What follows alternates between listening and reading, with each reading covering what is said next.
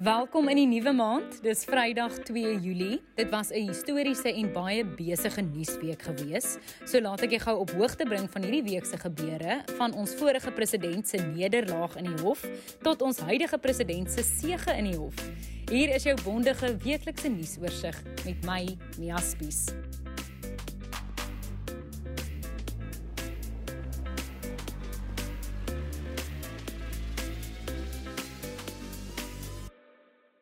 Wat die nuus gehaal het hierdie week is dat die hoogste hof in die land ons oud-president 15 maande tronkstraf opgelê het. Nou beplan Zuma se ondersteuners 'n massa-optog. Dieselfde hof het bevind Ramaphosa het nie die parlement mislei oor sy CR17 veldtog nie. Dan lyk dit of die einde in sig is vir die staatskapingskommissie se werk. Eindstowwe vir 50-plussers en vir joernaliste is op pad. Padblokkades gaan in Gauteng opgerig word. Skole sluit tot 19 Julie en gewelddadige betogings ruk Eswatini. Maar kom ons begin by hoofnuus hierdie week, historiese nuus en dit is dat die konstitusionele hof oud-president Jacob Zuma Dinsdagoggend aan minagting van die hof skuldig bevind het en hom tot 15 maande tronkstraf gefonnis het. Dit is omdat hy vroeër hierdie jaar 'n hofbevel geïgnoreer het dat hy voor die staatskapingskommissie moet verskyn. Luister hier na regter Sisi Kampepe se beslissing. It is declared that Mr Jacob Gedlehle Zuma is guilty of the crime of contempt of court for failure to comply with the order made by this court in Secretary of the Judicial Commission of Inquiry into allegations of state capture, corruption and fraud in the public sector, including organs of state, versus Jacob Gedlehle Zuma. Mr. Jacob 4, Mr. Jacob Gedlehle Zuma is sentenced to undergo 15 months imprisonment. Five, Mr. Jacob Gedlehle Zuma is ordered to submit himself to the South African police at Nkandla Police Station or Johannesburg Central Police Station within 5 calendar, calendar days from the date of this order. Dit wil sê Zuma het tot Sondag tyd om by 'n polisiestasie aan te meld.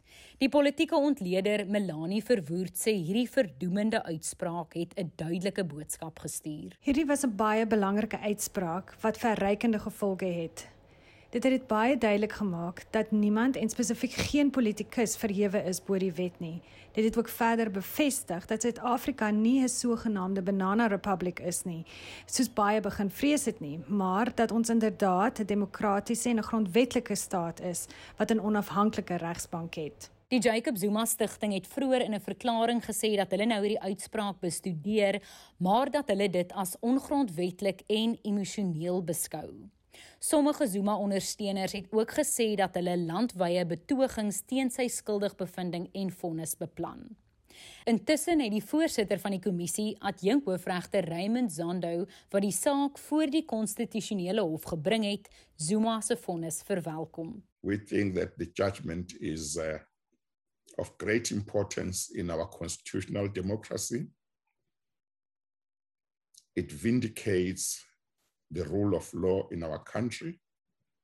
It vindicates the supremacy of our constitution. It reaffirms the principle that we are all equal before the law. It underlines the importance of accountability in our constitutional democracy. Zondo is natuurlik verskeie maal die laaste paar jaar persoonlik deur Zuma aangeval. Dit is wat hy daaroor te sê gehad het. It has it has been difficult for myself and my family. But uh, there's a job to be done. And I accepted this job. It's a very important job to be done for the country And I must also say that within the commission, there are the situation has been difficult for many people within the commission with all of these attacks. Hy het ook gesê dat die kommissie sy werk sonder Zuma se getuienis kan afhandel en na verwagting sy verslag met bevindinge en aanbevelings al teen Augustus of vroeg September bekend sal maak. Dan het die openbare beskermer Busisiwe Mqwebani ook reageer op Zuma se vonnis. Luister hier na haar reaksie. I have seen the minority judgment um which I think I will I I I, I, I, I follow because everyone um, has the right to be heard and everyone has the right to be protected in terms of the constitution.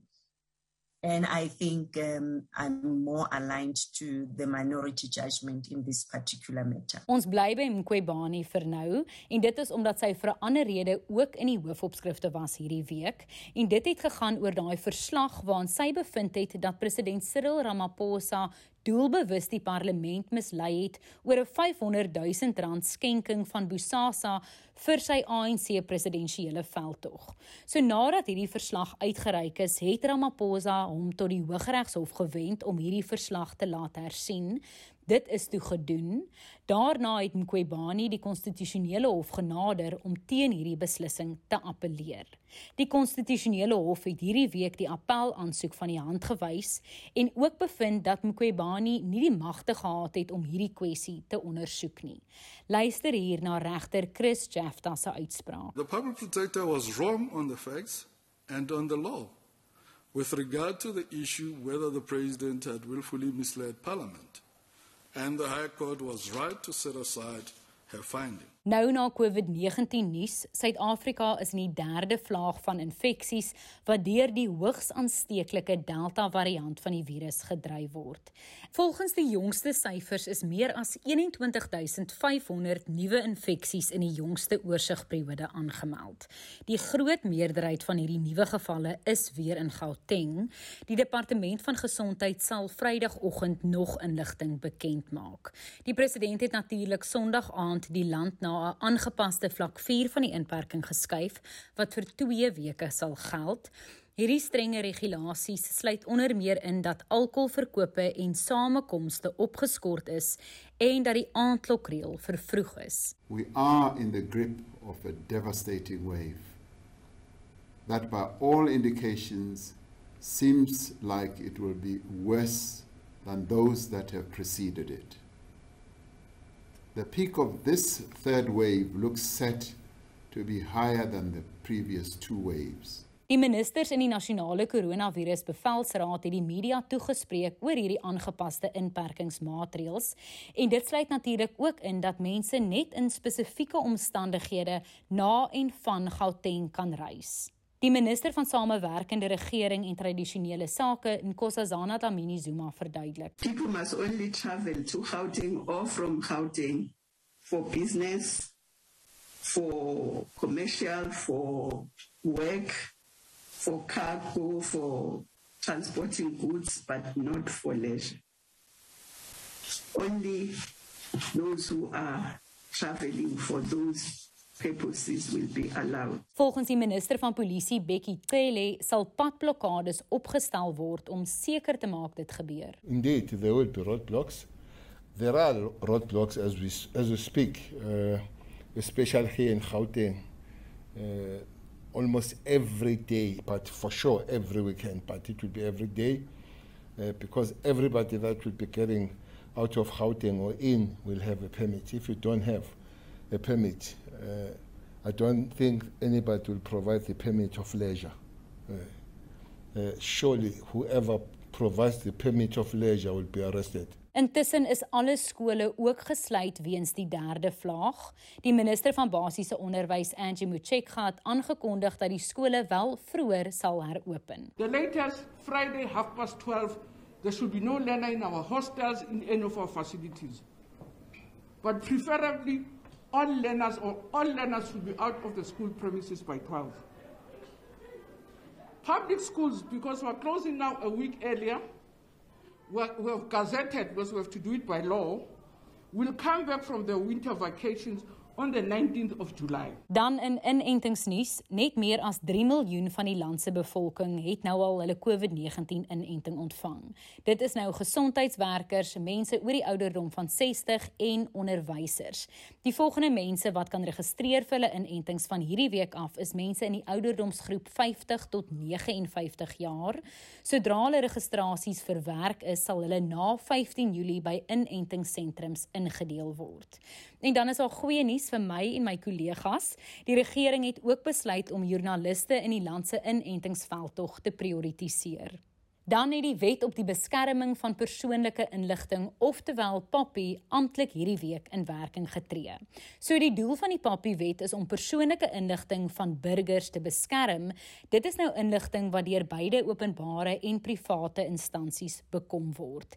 Dit maak byvoorbeeld voorsiening dat jou persoonlike inligting nie met ander partye gedeel mag word sonder jou toestemming nie.